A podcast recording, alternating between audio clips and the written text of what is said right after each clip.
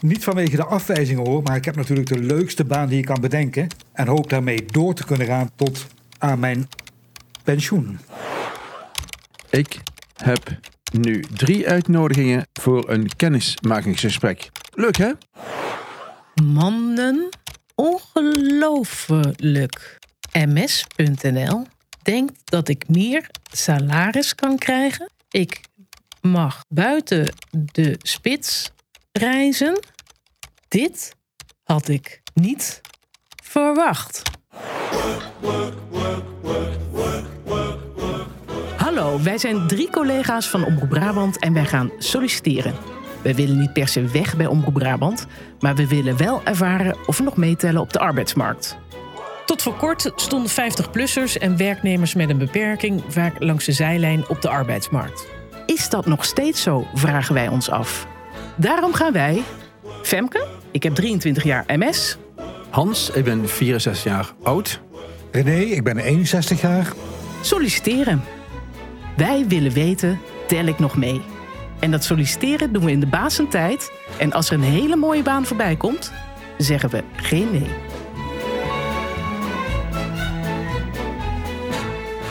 Welkom in de vierde en meteen de laatste aflevering van de podcast Tel ik nog mee?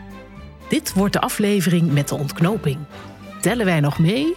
En heeft een van ons misschien zelfs een andere baan gevonden? Maar voordat het zover is, krijg je nog een paar nieuwe inzichten van een arbeidsdeskundige en fris ik je geheugen nog even op met wat gebeurtenissen uit de vorige afleveringen. Je hoorde dat René al twee keer is afgewezen met een standaardreactie. Onze gast Erik Veurink, die 50-plussers aan werk helpt, ziet die reacties vaak voorbij komen en vermoedt dat dit een nette manier is om te zeggen: We vinden je oud. Ze zijn vaker ziek, ze gaan niet mee, kunnen niet mee in media en dat soort dingen. Eh, dat hoor je wel. Maar wat ze vergeten is dat daar zoveel vakmanschap in zit bij die mensen. Eh, en zij ook heel erg loyaal zijn naar de werkgevers. En ondanks zijn 64-jarige leeftijd ligt Hans nog goed in de arbeidsmarkt. Want hij kon zowel terecht bij de NS als conducteur, als op een basisschool als leraar. En hij kon op gesprek komen als persvoorlichter. Zijn hart ligt vooral bij de NS en de basisschool. Want als hij iets anders gaat doen, dan moet het roer ook compleet om, vindt hij. En met die houding lagen de vacatures voor het oprapen. Hij vond het dan ook niet lastig om vacatures te vinden. Nee, sterk nog, ik, eh, het viel me op dat ik eh, in de regio kon blijven. Bij eh, regio Eindhoven en regio Den Bosch, wat de functie van conducteur betreft. En in Eindhoven lag de baan ook redelijk voor het oprapen. Mede dankzij een gesprek dat ik heb gehad met een soort van uitzendbureau voor onderwijs in Helmond. En die bracht, me in contact met een school in, in, in Eindhoven. En ook ik ben drie keer uitgenodigd voor een kennismakingsgesprek. En dat verliep allemaal erg goed. Maar daarover later meer. Het ziet er dus best vrolijk uit voor Hans en mij in deze podcast, tel ik nog mee. We hebben het de afgelopen afleveringen gehad over vacatures kiezen. Je cv en sollicitatiebrieven, over 50-plussers die niet aan het werk komen, maar over arbeidsbeperkingen, daarover hebben we het nog niet echt gehad. Dat gaan we deze aflevering goed maken. We hebben gesproken met een arbeidsdeskundige die de meest gekke paden bewandelt om te zorgen dat iedereen die ook maar enigszins wil en kan, ook gaat werken. Hij stelt zich even voor. Ja, mijn naam is eh, Tom Verleijzonk, arbeidsdeskundige.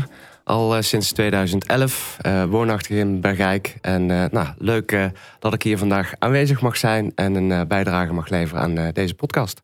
En wanneer krijg je nou te maken met Tom? Een arbeidsdeskundige komt veelal in beeld... op het moment dat er sprake is van langdurig verzuim. Als iemand uiteindelijk uitvalt voor zijn of haar eigen werk... en dat... eh, ehm, eh, nou ja, heel lang eh, duurt voordat iemand eh, terug kan keren in het eigen werk. En daar wellicht twijfels gaan ontstaan of iemand nog kan terugkeren. Dan komt een arbeidskundige daarin ondersteunen. En die komt uiteindelijk samen met de medewerker en de werkgever kijken naar wat de mogelijkheden nog wel zijn. Tom zorgt altijd voor oplossingen op maat en kan daardoor niet zeggen wat de meest gebruikte aanpassing is. Iedere aanpassing hangt af van de werknemer, maar ook van de werkgever. Hij geeft een recent voorbeeld van zo'n oplossing op maat. Eh, Ik ben laatst in eh, het ziekenhuis geweest, eh, de apothekersdienst. Daarin zie je dat heel veel medicatie in een cleanroom wordt gemaakt, wordt voorbereid voor het gebruik op bepaalde afdelingen in het ziekenhuis. Ehm, en daarin zag ik dat ehm, er heel veel statische belasting voor die voorbereider in die cleanroom bestond. Nou, uiteindelijk zijn we op zoek gegaan naar armsteunen die de zwaartekracht opheffen. Waardoor uiteindelijk ehm, nou ja, die belasting een, een, stuk gereduceerd kan worden. Een meer algemene en simpele oplossing is een aanpassing van werktijden. Ja, kijk, soms heeft iemand een, een urenbeperking dat betekent dat iemand in plaats van 8, 9 uur per dag kan werken, misschien maar uh, eh, 4 uur per dag kan werken. Um, en dan ga je op zoek van nou, hoe kan ik die 4 uur op de dag zelf het beste invullen. soms is iemand beter belastbaar in de ochtend, soms is dat wat later. dus dat is uiteraard wel een hele mooie oplossing. En soms ga je kijken van nou, hoe moet ik die uren uiteindelijk wellicht anders verdelen over de werkweek. Klinkt allemaal leuk en aardig. Maar werken werkgevers ook mee aan zulke oplossingen? Eh, veel werkgevers wel. Uh, want die zijn natuurlijk blij dat ze iemand kunnen behouden. En daarin uh, moet het wel passen uh, binnen het werk en binnen het behoud van de bedrijfsstructuur en de bedrijfsvoering. Ja hoor, ik heb mijn bingo-kaart met afwijzingen helemaal vol. Heb net de derde afwijzing ontvangen. Ik heb drie leuke kennismakingsgesprekken gehad, maar uiteindelijk hebben ze allemaal bedankt. Nou ja, Hans, hoezo heb je ze bedankt? Zo even een koffietje doen?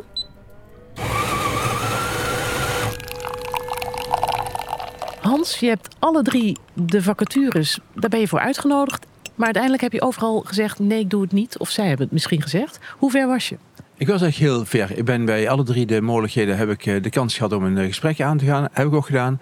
Um, bij het communicatiebureau eh, viel ik overigens uiteindelijk heel snel af, omdat de keuze op anderen was gevallen. Um, bij de conducteur heb ik een heel fijn gesprek gehad met Nederlandse Spoorwegen.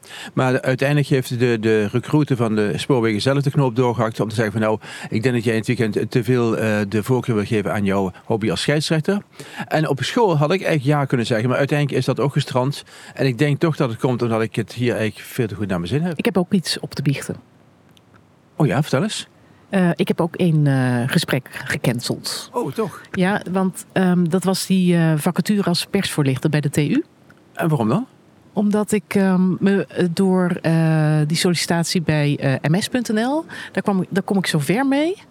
En um, ik lag de nachten van wakker. Wat moet ik nou doen? Wat moet ik nou doen? Misschien moet ik het uh, ja, maar gaan doen. Ik vond het heel spannend. En ja, ergens ook zoiets van, ja, maar waarom zou ik het doen? Nou, twijfel, twijfel, twijfel. Ik dacht, ik heb geen zin in zo'n tweede ronde gedoe in mijn hoofd.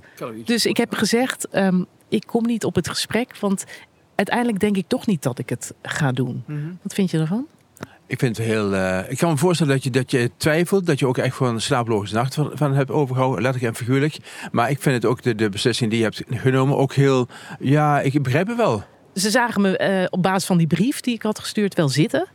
Um, en zelfs toen ik zei van ik heb alleen maar gesolliciteerd vanwege een podcast, toen zei ze: Weet je het zeker? Dus je bent ben nog geen twijfelen ook nog?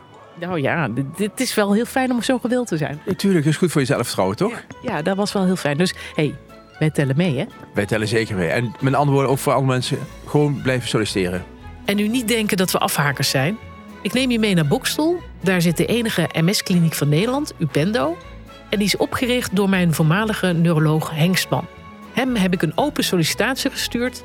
En ja, ik werd op de koffie gevraagd. En jullie podcastluisteraars mogen mee. Dank is er. Femke is er.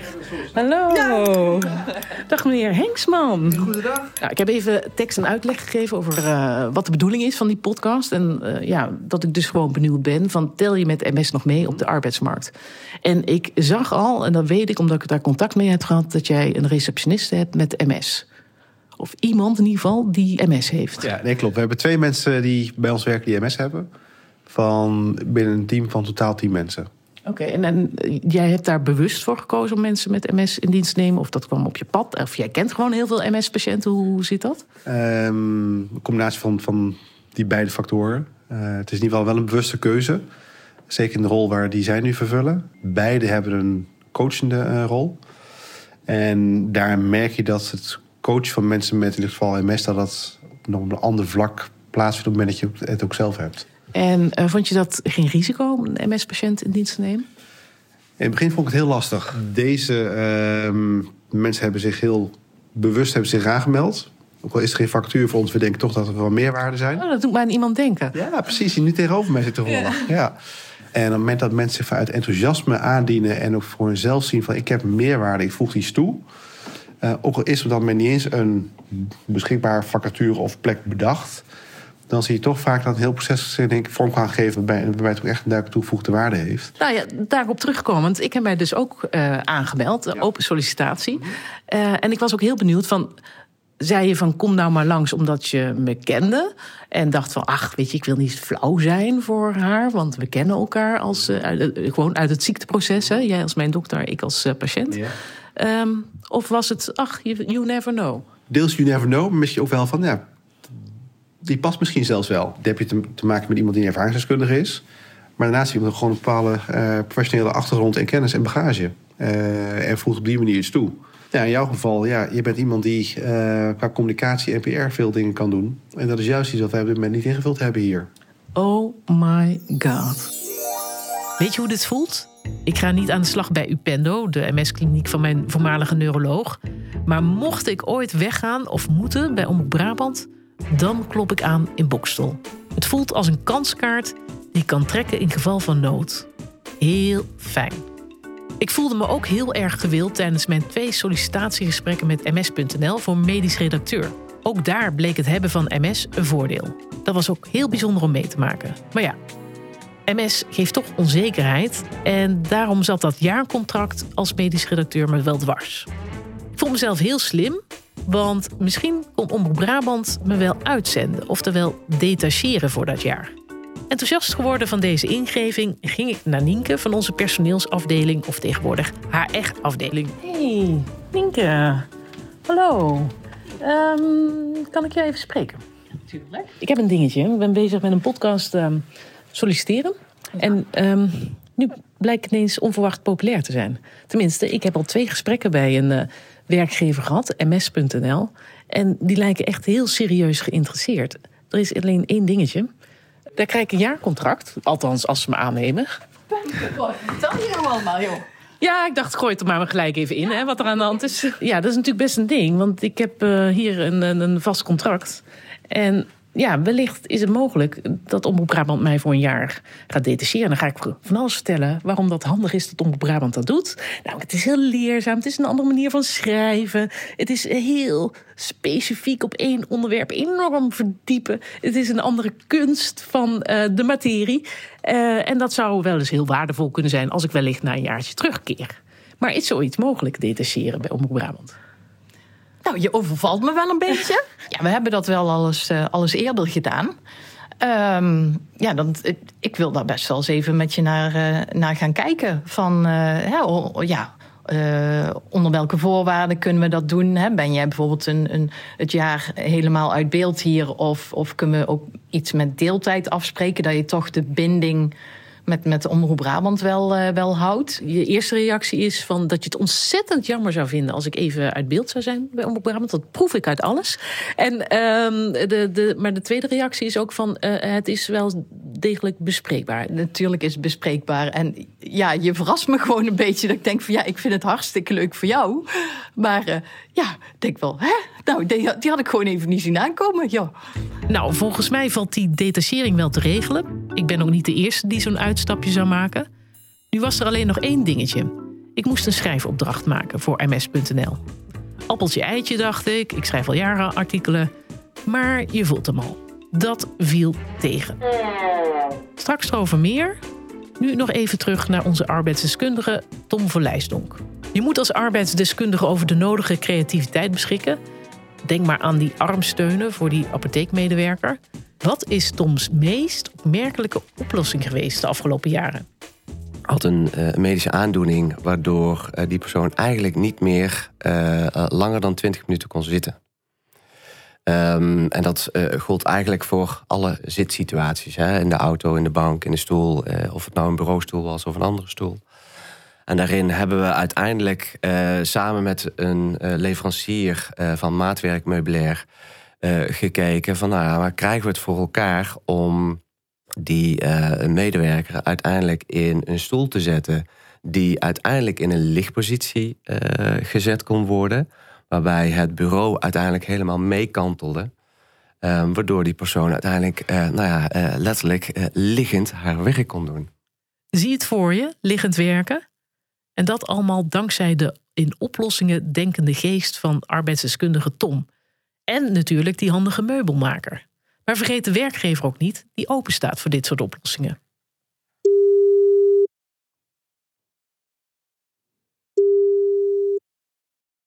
Met René. René met Hans, goedemiddag. Hey, dag Hans. Hoe is het ermee, joh? Ja, goed. En eh, hoe zit het met onze sollicitaties? Ik heb begrepen dat je nou, niet bepaald geluk hebt gehad met jouw uh, pogingen. Nee, nee. Ik ben uh, drie keer een afwijzing gehad. Dus, alle drie? Ja, alle drie. Bij de gemeente Eindhoven Communicatie, bij Brabant Watercommunicatie en bij Casper de Haan, schildersbedrijf. Hey. En, en hebben ze ook een, een reden of een goede reden gegeven waarom jij uiteindelijk niet uh, het bent geworden? Ja, dat liep uiteen van uh, dat uh, ik niet helemaal voldeed aan het profiel totdat ze zoveel kandidaten hadden. En dat, oh, bla bla. Huh? Ja, ja, ja, ja, ja. Maar ook wel een beetje lullig voor jou, lijkt mij. Ja, dat is best wel. Ja, dat is natuurlijk altijd teleurstellend. Maar ik moet eerlijk bekennen dat ik toen ik eraan begon al sceptisch was. Want ja, ik denk, en dat zullen ze nooit in een brief zetten natuurlijk, maar ik denk toch dat ja, de leeftijd ook een rol speelt. Dat ze denken van ja, dan moeten we met iemand die bijna 62 al is. Ja, maar toch vind ik dat vreemd. wat ik heb eh, gesolliciteerd bij de spoorwegen, bij een uh, scholenorganisatie. En beide hebben heel duidelijk gezegd, leeftijd speelt bij ons totaal geen rol. Uh, want dan, dan is er ook sprake van leeftijdsdiscriminatie. Wel vreemd ja. dat ze dan bij jou blijkbaar toch wel het onderscheid hebben gemaakt. Ja, dat, dat, dat, weet ik niet zeker of de leeftijd rol heeft gespeeld. Het kan ook gewoon zijn, kijk naar communicatiefuncties. Ik ben heel mijn leven al uh, journalist, uh, verslaggever. Mm -hmm. Het kan best zijn dat ze denken van, dat ze, kijk, als ze heel veel kandidaten hebben die al uh, ervaring hebben in de communicatie, ja, dan heb ik natuurlijk een achterstand. Dus ja. Dus dat kan ook mee ja. gespeeld. Ehm, ja, misschien heb je dan toch het idee dat je toch nog wel meetelt? Nou, uh, gelukkig stel ik bij, uh, bij Omroep Brabant uh, nog, nog mee. Gelukkig maar, ja. En ja, het voordeel is dat ik dat werk superleuk vind en heel graag doe. Dus in die zin tel ik nog wel mee, maar het bevestigt wel. Want ik altijd heb gedacht dat als je boven de 60 bent en je zou je baan verliezen... dat je toch, een, ondanks dat iedereen moet doorwerken tot pak een beetje 67 tegenwoordig ja, dat je wel een serieus probleem uh, kan hebben. Maar goed, dan zit je nu toch lekker op je plek hier bij Omroep en dan uh, zien we elkaar gauw weer op het werk. Zo is het. Oké, okay, dag René. Ja, dag Hans. Houdoe. Tja, teleurstellend. Dat is het als je nergens wordt uitgenodigd wanneer je solliciteert. De bedrijven staan ondanks de krapte op de arbeidsmarkt nog steeds niet allemaal met open armen de 60-plusser op te wachten. Gelukkig hoorden we vorige aflevering dat de oudere zus van René wel erg gewild was, maar dat was wel in de zorg en niet in de communicatie. Ouderen en zieken zijn niet de enigen die soms moeite hebben met het vinden van een passende baan. Arbeidsdeskundige Tom Verlijsdonk merkt dat jongeren ook steeds vaker bij hem aankloppen omdat ze uitvallen op de arbeidsmarkt. Uh, we zien het uh, psychisch verzuim uh, daarin wel een grote toename krijgen. Met name psychisch verzuim bij relatief jongere medewerkers. Um, omdat er uh, een aantal factoren zijn waar ze mee te maken hebben. De maatschappij, hè, we, we, vragen steeds meer van onszelf en we moeten alleen maar door, door, door. Daarin speelt sociale media een hele belangrijke rol. En we moeten continu aanstaan. Er zit een verweving tussen wat is nog werktijd en wat is privé-tijd. Uh, veel medewerkers die uh, s'avonds, teamleiders, die s'avonds nog allerlei appjes krijgen, mailtjes krijgen van medewerkers. Die dus uiteindelijk toch op hun telefoon nog op de bank dingen aan het beantwoorden zijn. Of, en andersom ook. Ik zie regelmatig overal telefoons op hun bureau liggen.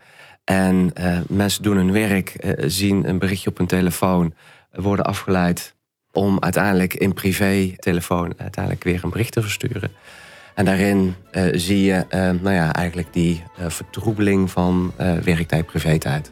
En nee, ik ben het niet vergeten. Ik zou het wel willen vergeten. Hoe is het afgelopen met die schrijfopdracht voor ms.nl? Nou, die opdracht die heb ik compleet verknald. Ik moest van twee artikelen één verhaal maken en dacht, dat doe ik even. Niet dus. Ik dacht, ik maak er een leuk verhaaltje van. Maar dat leuk was niet de bedoeling. Feitelijk, simpel en droog moest het zijn. En om mezelf helemaal af te maken, ik had ook nog een DT-fout gemaakt. einde sollicitatieavontuur van Femke. Dag hoge salaris, dag detachering, maar ook dag extra reistijd. Dus aan het eind van deze podcast werken we alle drie nog bij Omroep Brabant. En gelukkig vinden we dat niet erg. En tellen we nog mee? Mij lijkt van wel. Alleen moet René nooit meer op communicatiefuncties gaan solliciteren. Met deze conclusie zijn we aan het einde gekomen van de vierde en laatste aflevering van onze podcast. Tel ik nog mee? Onze speciale dank gaat uit naar onze gasten. Dat was Remco Borani van het UWV, de HR-medewerker van Van Mossel, Relinde Gronert, 50PLUS Buddy van Buddy Werkt, Erik Veurink en arbeidsdeskundige Tom Verlijsdonk. Deze podcast werd verder gemaakt door Femke de Jong, René van Hoof en Hans Jansen. Eindredactie Janneke Bos en Bert van Doren. Techniek Jacques Ermes en Ronnie van Overveld. Heb je met veel plezier geluisterd? Geef ons dan een duimpje of een sterretje in jouw podcast-app. Heb je vragen of opmerkingen? Mail dan naar podcast.omroepbrabant.nl Dag en werk ze!